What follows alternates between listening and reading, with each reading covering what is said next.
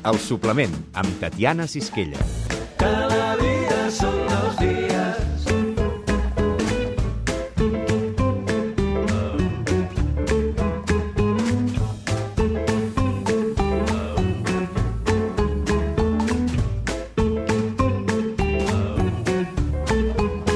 Bon dia. Avui és dissabte, 16 d'abril del 2011. Més de 40.000 persones a la Marató de Londres, 30.000 a la de Nova York. I aquest any, Barcelona ha arribat als 15.000 corredors.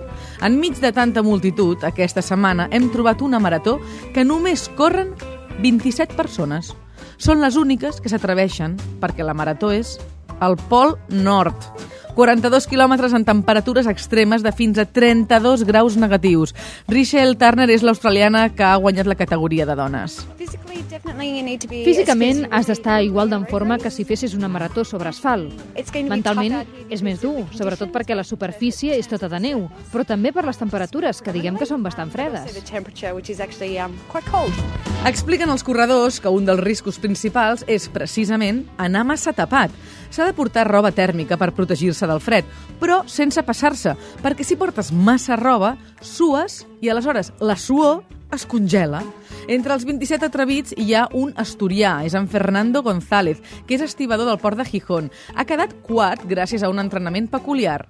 Durant setmanes va córrer dins d'una cambra frigorífica a 30 graus sota zero. Avui només llevar-vos ja heu après com es prepara una marató al Pol Nord. Ara vosaltres decidiu, o us tanqueu al frigorífic o escolteu el suplement.